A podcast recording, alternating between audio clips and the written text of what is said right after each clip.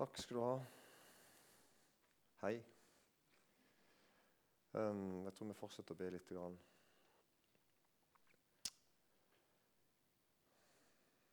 Kjære Jesus, vi forsaker Satan og alle hans gjerninger, alt hans vesen.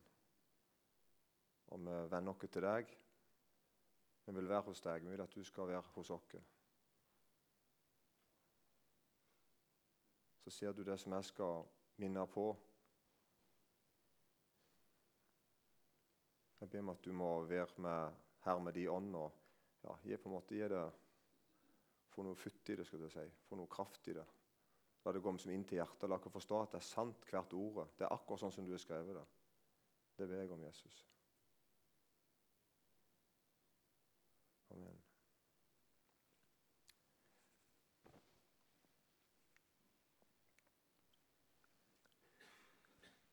Sånn stender det i 2. Mosebok, um, kapittel 20, vers 1, da de, når Gud gir Israel og Moses, da, Israelsfolket, de ti bud, så begynner det sånn at da talte Gud alle disse ord og sa Jeg er Herren din Gud, som førte deg ut av landet Egypt, av trellehuset. Og så kommer da budene. Det første er da du skal ikke ha andre guder enn meg. Du skal ikke tilbe dem og ikke tjene dem, for jeg, Herren din Gud, er en nidkjær Gud. Men mitt hovedpoeng nå var først altså at uh, Gud sier 'Jeg er Herren din Gud, som førte deg ut av landet, av trellehuset'. Det er akkurat som om Gud vil si 'Du skal høre på meg, du skal høre på meg, du skal følge meg', 'Du skal respektere meg fordi jeg utfridde deg'. Ikke sant? Uten meg er du fanga. Jeg er din frihet. Vær hos meg. Og det er faktisk Nå i, nå i, i vinter så forsto jeg det er jo flaut, jeg er snart 50 år, så forsto jeg for første gang at uh, det første budet om at, at, Gud begynner med å si du skal ikke andre guder enn meg, for første gang forsto jeg at det er en enorm kjærlighetserklæring ifra Gud til oss. Jeg har før tenkt det mer som et bud, et krav, ikke sant? At jeg, som jeg ikke på en måte innfrir. Jeg elsker ikke Gud sånn som jeg skal. Og det er sant. Det er, det er en side av det. Men jeg har ikke tenkt på det at Gud begynner med å si til deg jeg vil være din, og jeg vil at du skal være min. Og så sier han liksom hvorfor. Ikke fordi at jeg er, jeg er utfridd deg. Jeg er, veien ut av, jeg er veien ut av fangenskap. Jeg er veien inn i friheten nå. Ja, og jeg vil at du skal være bare hos meg. Og så så jeg nå i, i høst mer enn noen gang før at det er jo bare kjærlighet at han sier du må være bare hos meg. Hvorfor det? Fordi at hvis jeg mister han, så mister jeg friheten. Da er det tilbake til trellehuset. Enormt. Utfrielsen fra Egypt ble rykte til Israel.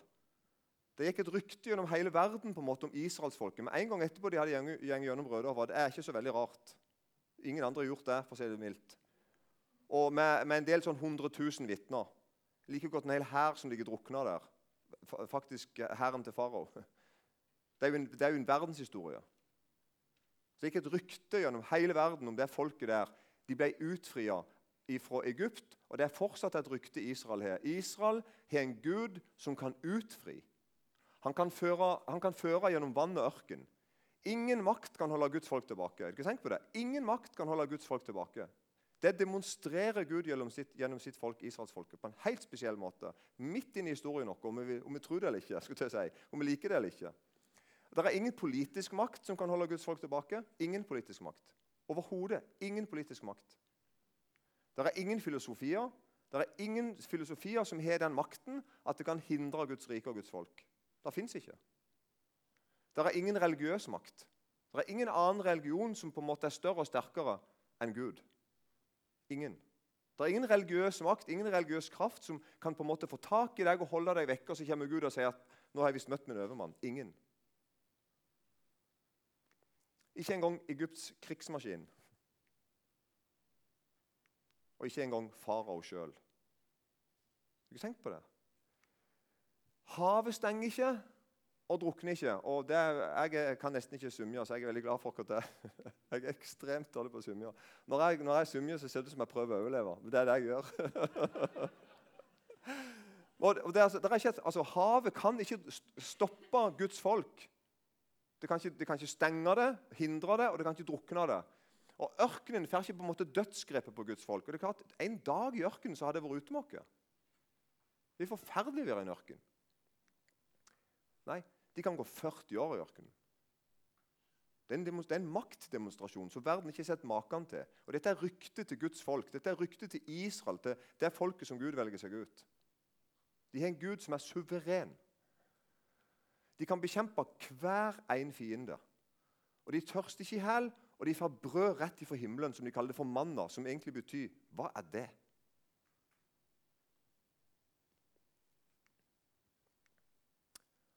Og så er det det at folket hans sitt de er så stor som det han er.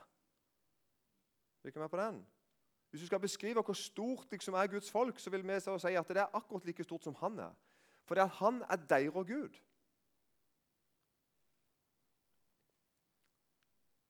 Og Det gamle testamentet forteller om Gud som skaper, som frelser og som forsørger. Og Mer enn noe annet da, så er utfrielsen et kjennetegn. Identiteten til Guds folk. Det er et folk som er utfridd. Det er et folk som er fri. De har friheten. Mer enn noen annen folk. Og en frihet mye dypere og større enn noe annet frihet kan gi oss. Og Derfor blir dette gjentatt i Bibelen konstant. Og hvis du begynner å telle, og det er veldig vanskelig, hvis du begynner å telle hvor mange ganger Bibelen refererer til utfrielsen av Egypt, på en eller annen måte, hvor mange ganger Bibelen refererer til det, så er det mange. Sida opp og sida ned. Og Derfor ser du mange plasser i Bibelen det står sånn Dette var bare en, tilfeldig plass som er glass i dag. faktisk. Så det, dette er da midt inne noen forskrift om hvordan de skal feire løvetefesten, tror jeg. Så her bare, her, så hver, gang, hver gang Gud gir på en måte en lov til israelfolket, så begynner han ofte med å si noe sånn som det. Husk at du sjøl var trell i Egypt, at du skal passe nøye på at du holder disse forskriftene. Og da kan vi spørre, Det at, det at Gud sier sånn Husk at du sjøl var trell i Egypt. Hvorfor sier, hvorfor sier Gud det? For Det er overraskende mange ganger at Jesus sier sånn Husk på at dere var trelle i Egypt. Husk på at jeg fridde dere ut av Egypt. Akkurat som han begynte med når han gir de ti bud. Jeg er Herren deres Gud, Han som fridde dere ut fra fangenskapet, fra trellehuset, fra Egypt. Og Da vil, vi, vil, jeg si at Gud sier ikke dette for å trykke ned. Gud sier ikke dette så mange ganger i Bibelen for å rippe opp i gamle sår. Han sier det fordi det er en realitet.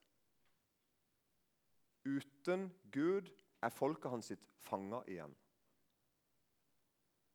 Jeg skal ikke gå inn i det, da, men Biliam i 4. Mosebok 22 der er det en utrolig eh, merkelig fortelling. Han er, ut, ja, han er superrar på alle måter. En ting at et esel snakker der, det er en ting som er rart. Men det rare er at jeg får ikke helt tak i hva Biliam gjør. Biliam blir fremstilt som en profet. Men, og, og, han har kontakt med Gud, skulle jeg si, og han ser ut som at han er lydig mot Gud òg. Og han, han, Kong Balak spør om ikke han kan komme og forbanne israelsfolket. For det at kong Balak da, han innser at det, det, er bare én som kan stoppe dette folket når det kommer inn i hans sitt land. Og Det må være at Gud sjøl vender de ryggen. Han innså det. Dette folket her har en Gud som det eneste jeg kan, jeg kan prøve å få Gud til å vende, vende seg imot dem, for da kan jeg ta dem. Så prøver han da for han her Biliam, da, som er en slags profet, til å forbanne folket. og Det, det får ikke, ikke Biliam lov til. Så han gjør det ikke. Han velsigner dem tre ganger i stedet for så det er jordmette. Den ene gangen bedre enn den andre. Men så leser vi da likevel at Biliam det kommer egentlig mest fram i Det nye testamentet. Der, der, er det plutselig snakk om Biliams lære. Og Da ser vi at den eneste tingen egentlig som kan ta den eneste ting som kan ødelegge for Guds folk, det er at Guds folk sjøl vender Gud ryggen.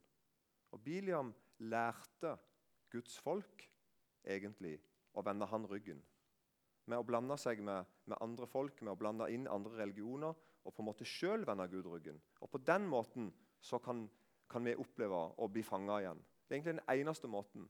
Når vi mister Gud, så blir vi fanga.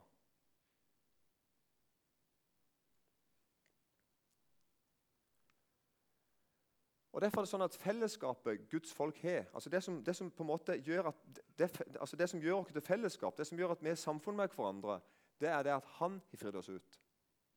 Vi var fanga, vi var hjelpeløse, men han var mektig til å frelse.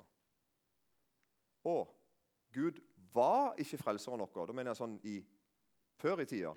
Men han er det. Uten han ett sekund, og så er jeg ut, ufri.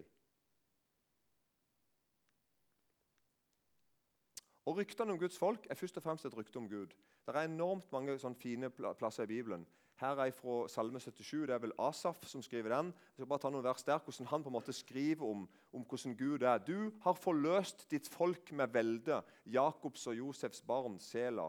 Vannene så deg, Gud. Vannene så deg og bevet, ja, avgrunnene skalv. Skyene øste ut vann, himlene lot sin røst høre. Ja, dine piler fløy til alle kanter.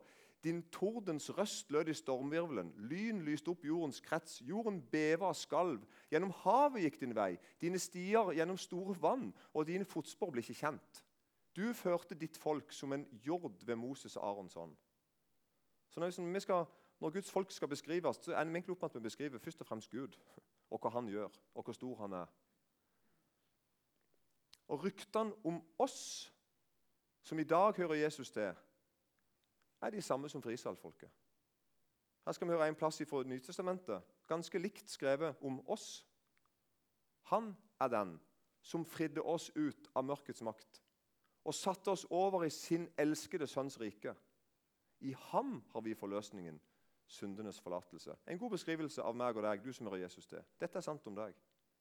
Han er den som fridde oss ut ifra mørkets makt og setter oss over i sin elskede sønns rike. I ham har vi forløsningen, syndenes forlatelse. Jeg er altså jeg er han som Gud måtte fri ut. Jeg er han som Gud elsker.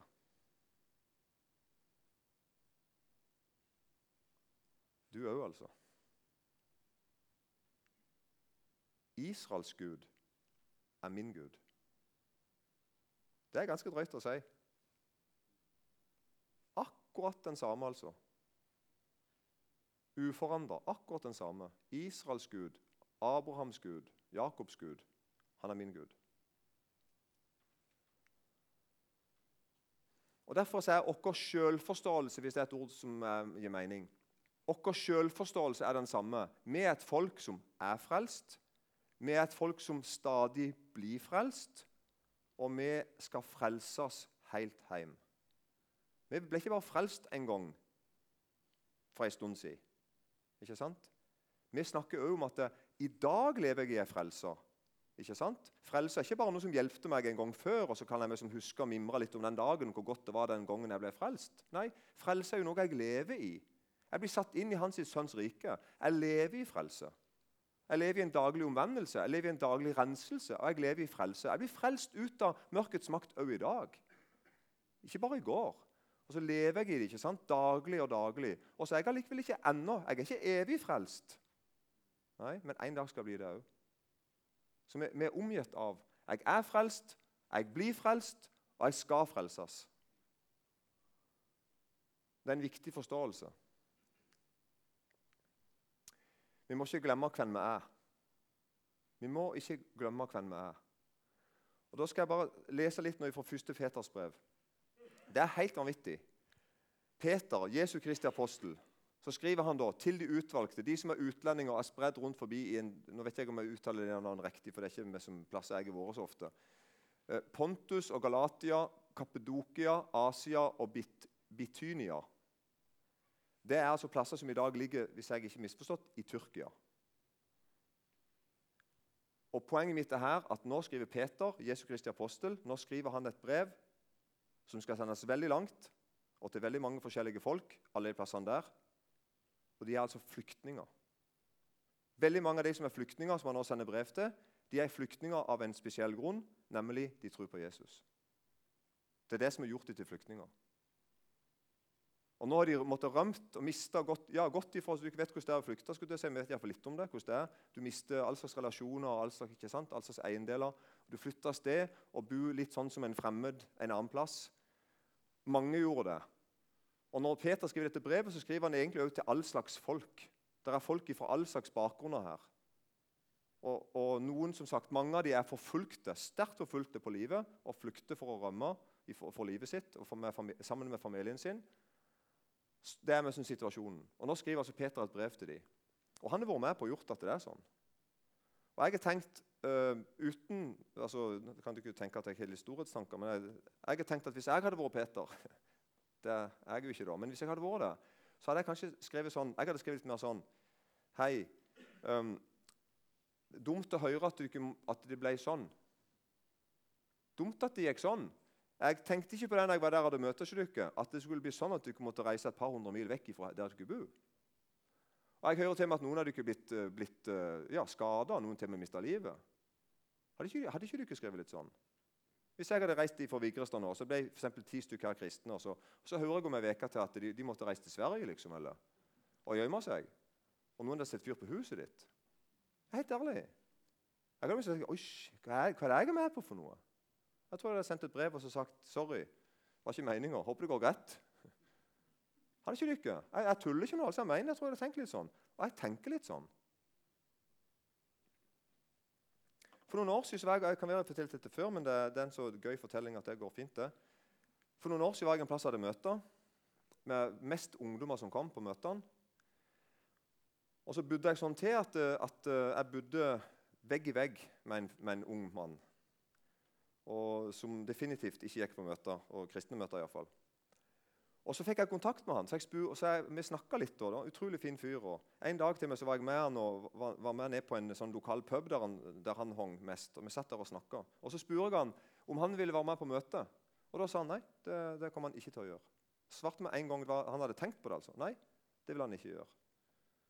Og Så spurte jeg han hvorfor ikke. Så svarte han bare med en gang der som jeg kommer ifra, er det helt uaktuelt å være kristen. Dette var Norge, altså.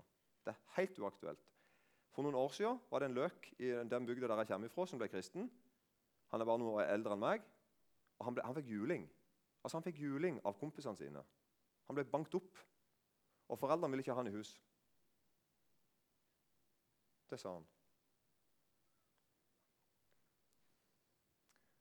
Og helt ærlig, jeg skjønte han.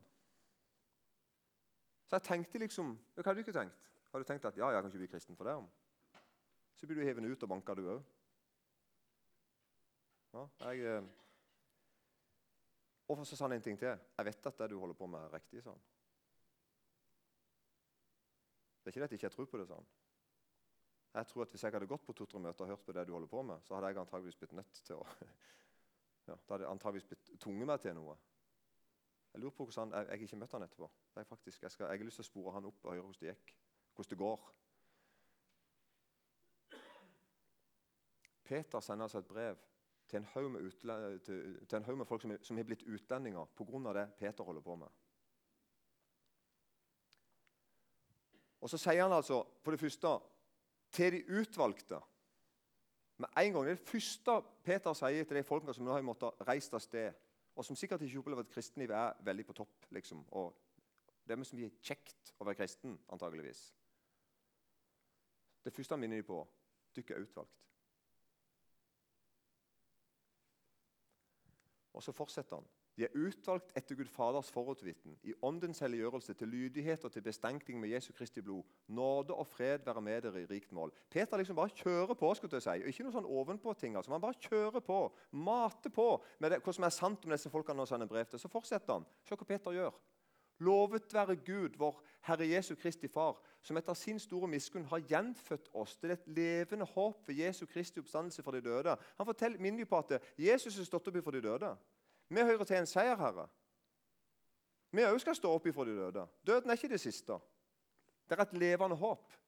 Og til en arv som er uforgjengelig og uflekka og uvisnelig, og som er gjemt for dere i himmelen. himmelen. Og Jeg har tenkt i mitt, i mitt lille uh, eikdølske sinn at jeg er så glad for at uh, Jesus har gjemt noe til meg i himmelen.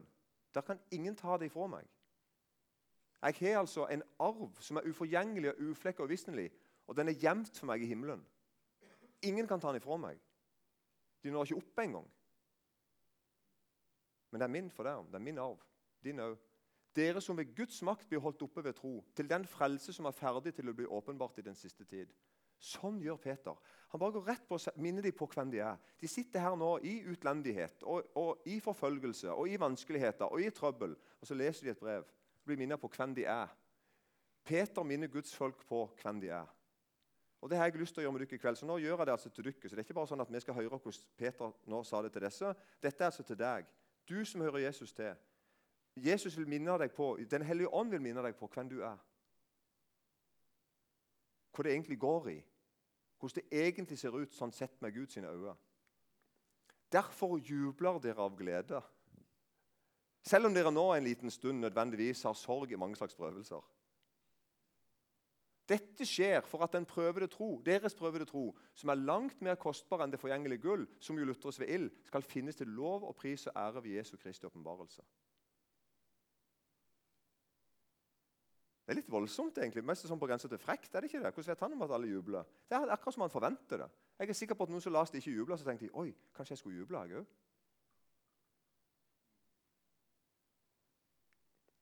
Ham elsker dere enda dere ikke har kjent ham.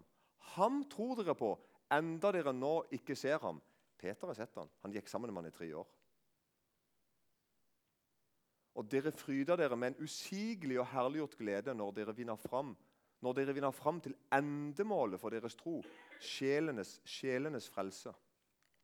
Peter setter opp et perspektiv sjelenes frelse. Det er noe som er viktigere enn alle de tingene rundt dere, som ikke kanskje gikk sånn som vi ville sjelenes frelse. Og en ting til. Han minner dem på at de har et unikt forhold til Gud. Nå kommer det en veld, veldig stor ting, syns jeg, i vers 12. Jeg er fortsatt i 1. Peters brev 1. Dette som nå har blitt kunngjort for dere ved, ved dem som forkynte dere evangeliet ved Den hellige ånd, Han som ble sendt fra himmelen, dette som englene trakter etter å skue inn i, det betyr det er noe englene ikke har, som du har. Det er noe som Guds engler stender og ser at du har fått tak i, som de ikke kan ha tak i. De er ikke del i det. De bare stender og på en måte ønsker at de kunne hatt det du har med Jesus. De, uh, du har nemlig altså Vi har noe som ikke engang englene har. Du har altså en, en, frelser som har kjøpt deg, løst deg, fridd deg ut. Kjøpt deg ut av, av synd og elendighet, kjøpt deg ut av fangenskap og kjøpt deg tilbake til seg. Og Englene står og ser på den sangen, den lovsangen din. Når du lovsynger Gud fordi han har fridd deg ut, så står englene og tenker Oi, tenk å, tenk å være i den posisjonen du er til Gud. Jeg tror ikke de er misunnelige, det tror jeg blir galt å si, for det tror ikke jeg englene er. Men de er så nærme det går an uten at det er gale. ikke sant? De er sånn Å, tenk å så, ja, tenk å ha det du har. Du har et forhold til, til Gud som jeg ikke har, tenker altså alle englene. Han er frelseren din. Han er utfrieren din. Han har kjøpt deg.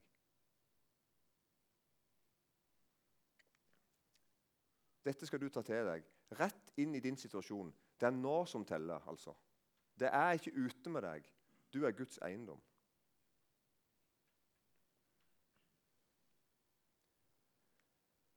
Og Etter å minne dem på hvem de er, og hvem Gud er, så går Peter rett på sak. Og Dette synes jeg er enda drøyere. For nå, har vi bare, lest en kort hilsen. Det er så 12-13 verser vi har lest nå. i begynnelsen av brevet. Det er, bare, det er ikke mange ordene på en måte vi nå har lest.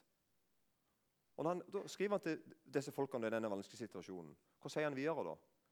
Vær hellige i all deres ferd. Her er det altså ikke en sånn selvmedlidenhet eller sukking og stønning over dårlige tider. Sant? Ikke nok med at de nå måtte ha rømt fordi at de er forfulgt pga. at de er kristne.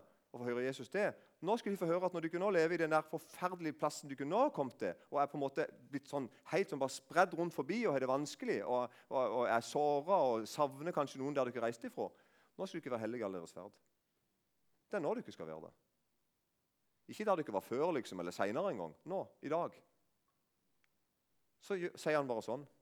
Bind derfor opp om dere, om deres sinn, Vær edrue og sett deres håp fullt og fast til den nåde dere får i Jesu Kristi åpenbarelse. Som lydige barn må dere ikke skikke dere etter de lystne som dere før hadde i deres uvitenhet, men vær etter den hellige som kalte dere, også dere hellige, i all deres ferd.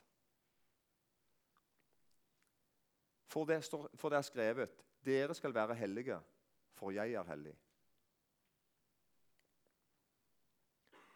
Jeg opplever, det, Dette har jeg nevnt en kveld og to før. her, jeg, jeg, opplever egentlig at Når vi opplever at det er litt sånn vanskelige tider, at det, vi opplever at det butter litt imot, og det er ikke så lett å være kristen som det var før, eller et eller annet sånt, så kan vi fort tenke at det må nesten Gud med som forstå.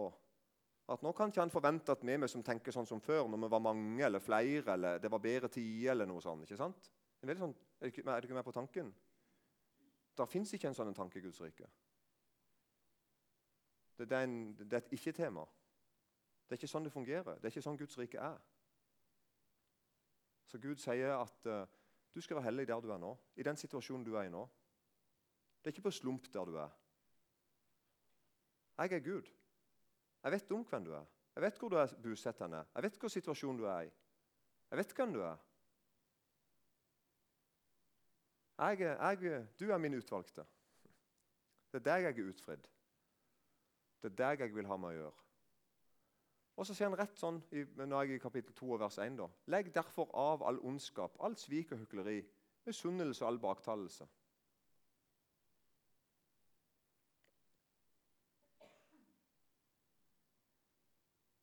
Sikkert ikke lett å levere baktaler når du sitter en plass og har rømt, og mange folk er ute etter deg og vært stygge med deg. Men ikke baktal de. Som nyfødte barn må dere lengte etter den uforfalskede åndelige melken, for at dere ved den kan vokse til frelse, så sant dere har smakt at Herren er god. Og så har jeg skrevet, Dette dette er mine ord med rødt. Si ikke, sier jeg nå, jeg er en synder, så jeg får nesten bare synde videre. på en måte. Vær heller en prest Kom til Han, den levende stein, som vel bevraka mennesket, men er utvalgt og dyrebar for Gud. Og bli også selv oppbygd som levende steiner til et åndelig hus, til et hellig presteskap, til å bære frem til å bære fram åndelige offer, slike som er Gud til behag ved Jesus Kristus. Han sier på en måte bare eh, ikke synd, ikke baktall, men tvert imot eh, vær en prest. Vær som et hellig presteskap som bærer fram offer for Gud, som er til behag for Jesus. Han sier rett og slett sånn Men dere er en utvalgt ett, et kongelig presteskap, et hellig folk, et folk til eiendom. Og nå er vi med noen ekstremt gode vers. Dette er altså til du som hører Jesus til. Og Hvis det er noen vers utenom Johannes 3, 16, som har betydd noe for bedehuset i Norge siden 1850, så er det dette. Når bedehusfolket forsto dette, så tok Norge fyr. Det er vi som er Guds folk. I kraft av å være, kjenne Jesus, i kraft av å ha møtt ham, i kraft av at Den hellige ånd har født meg på ny. Det er jeg som er et hellig folk. Det er vi som er et kongelig presteskap. Det er vi som er Guds eiendomsfolk. Han eier meg. For at dere skal forkynne hans storhet. Han som kalte dere fra mørket til sitt underfulle lys. Dere som før ikke var et folk, men nå har blitt Guds folk. Og Det synes jeg er litt rart å si til noen som akkurat har rømt. Jeg vil si motsatt. Nei, Før var de et folk. Da bodde de jo hjemme i byggefeltet sitt. Men nå er de det ikke. Men Peter sier nei, nei, nei, det er motsatt. Nå er du ikke et folk. For du ikke er kommet inn i Guds, altså i Guds forsamling. I Guds fold. Dere som før ikke hadde funnet miskunn, men nå har fått miskunn. Og Dette gjelder altså nå. Jeg har, det har gått så opp for meg de siste ukene og i dag. Det har vært sånn enormt godt å lese disse versene om igjen. Og så, det vil jeg anbefale Les de versene i, i 1. Peters brev, som er et brev til forfulgte. Det er et brev til marginal, marginaliserte kristne. Det er et brev til folk som ikke føler at det er så fett rundt dem. på en måte. Så Se hvordan Guds ord snakker til folk i en sånn situasjon. Det er helt enormt. Og Det gjør noe med meg og det gjør noe med deg når vi, på en måte dette går opp for oss. At dette er nå, Det er ikke sånn ja til høsten, eller når vi, når vi har fått gjort det og det, eller når bare det og det er på stell. Eller. Det er nå. Det, det gjelder akkurat nå. Og faktisk noen netter når jeg har kjørt hjem etter møter og sånn og Jeg kjører forferdelig mye. Um, men jeg er ganske miljøvennlig bil, altså. Men uh, kjører ganske mye. Og, og midt på nettene så har disse versene kommet veldig til meg. Og faktisk, eh, jeg elsker YX. YX er helt fantastisk. Eh, jeg er ikke sponsa av dem, men jeg kunne godt ha vært det. Um, YX er helt fantastisk, og de har flere nattåpne bensinstasjoner. Det er fantastisk. Komme midt på natta kan du bare gå inn og treffe folk som er på jobb og smiler. og Kaffe og pølse og toalett og otter i vin og alt slags du må trenge. Helt fantastisk. Og faktisk noen ganger nå, særlig en, jeg skal ikke si det er, men særlig én plass som jeg kjører ganske ofte forbi på kveldene. Så slår det meg når jeg stopper der og fyller diesel og går inn og fyller kaffe, at jeg er, jeg er en prest for Gud når jeg går inn der. Jeg har skrevet sånn her, håper du ikke tilgir meg hvis det er flåsete sagt. At dette vi snakker om nå, det gjelder, det gjelder på YX-en klokka halv to natt til tirsdag. Vi har jo nå om å være kristne i hverdagen. Dette jeg nå snakker om, den der jeg er, den er jeg òg, altså. Når jeg stopper på YX-en og gjeng inn. Jeg har skrevet her at prestekjolen henger seg nesten opp i skyvedøra med kaffeautomaten. Hadde, men hadde det ikke vært for kongekroner, så hadde jeg nesten glemt hvem jeg var. Skjønner du hva jeg mener med det? Jeg forstår i det, i det øyeblikket jeg kommer inn Jeg er Guds representant. Jeg er, jeg er, en del av hans folk. Jeg er en av de som er utfridd. Jeg er en av de der går rykter om av han der store Gud som har fridd, fridd meg ut fra mørkets makt. Jeg er en av de som blir sett inn i hans sønns rike. Og så går jeg inn på UX-en, og det er helt, altså, ja, det er helt utrolig. Jeg, så, så, ser jeg plutselig at oi, jeg har prestekjole på og jeg har kongekrone på. Skjønner ikke bildet er? Men jeg, jeg, jeg, opplever det sånn. Jeg, jeg tuller ikke. Så kikker jeg, særlig, særlig ei som jobber der. Åh.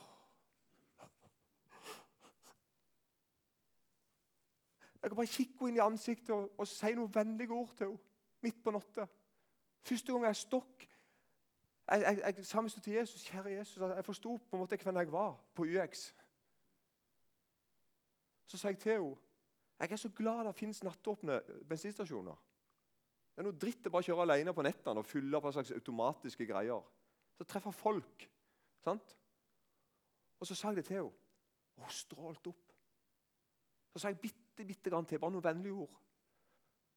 Og så har jeg tenkt nå, jeg skal ikke innom der hver gang. Jeg skal snakke med henne igjen. Jeg vet ikke hva hun er. Hun kjenner meg igjen. Er du ikke med? Da, da, ser jeg for meg det der. Og Det skal du òg gjøre med de der små, vanlige, dagligdagse tingene dine. Ikke la Satan røve ifra deg hvor du er. Og Det er da det gjelder. Det gjelder ikke på de der storsamlingene når vi har noe sånne eh, opplegg med sånne, sånne, skjønner ikke, når vi tar ikke håp alle sammen, og nå, nå, skal vi gjøre det og det en time. Det gjelder nå. Det gjelder på vei hjem, det gjelder i kveld, det gjelder de du treffer. Det gjelder de du møter, det gjelder i din situasjon. Det er ikke seinere engang. Hvis bare om atteditten og bare om datten, og hvis bare det hadde stått bedre til med kirka eller med menigheten eller med presten eller med statsministeren eller med skole eller noe sånt. Det gjelder nå. Det er nå vi er et eiendomsfolk. Det er nå vi er utfridd. Det er nå vi er satt i Hans sønns rike. Det er ingen rykter om oss. Ingenting kan knekke oss. Ingenting kan ta oss. Ingen filosofi, ingen politisk makt, ingen militærmakt. Du ikke tenkt på det? Ingenting kan stoppe deg, du som har Jesus det. Ingenting. Det skjer svære ting. Det skjer svære ting òg. Jeg vet at vi gjør det her på Vigrestad òg. Jeg har hørt rykter om det her òg. At en og annen har møtt en nabo og møtt Jesus. Det går rykter om deg, altså. Svære rykter. At du hører Gud til. Og det merkes noe så helt vanvittig. Så det er jeg ikke kjent for min del, at jeg leser Peters brev, jeg hører det på sånn podkastgreie, sånn lydbibel. Og så bare tenker jeg, kjære Jesus, få dette inn i skallen min og ned i hjertet mitt, for jeg, jeg tror det meg som ikke. Jeg bare kunne ønske det var sant, eller det er kanskje sant seinere en gang. Det er sant nå. Og så vil jeg si til deg, du som kjenner på at dette her er ikke helt, altså dette på en måte har du ikke fenge, uh, jeg, vil, jeg, vil, anbefale deg en ting. Du som kjenner på at dette her, sånn holder ikke du på, sånn som jeg snakker nå. Det må du begynne med. Det sømmer seg for kristne å prøve å gripe tak i det, holde fast i det.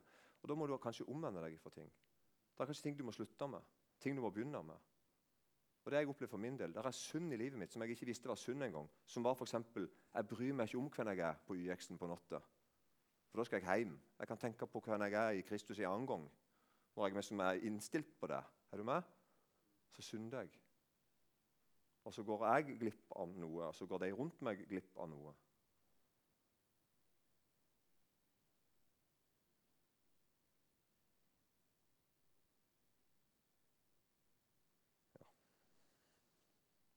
det ble som det ble. Kjære Jesus. Jeg ber om du kan røske tak i oss og, og løfte oss opp, så vi ser hvem vi er, helt på ordentlig her og nå. Alt det du har gjort, alt det du er.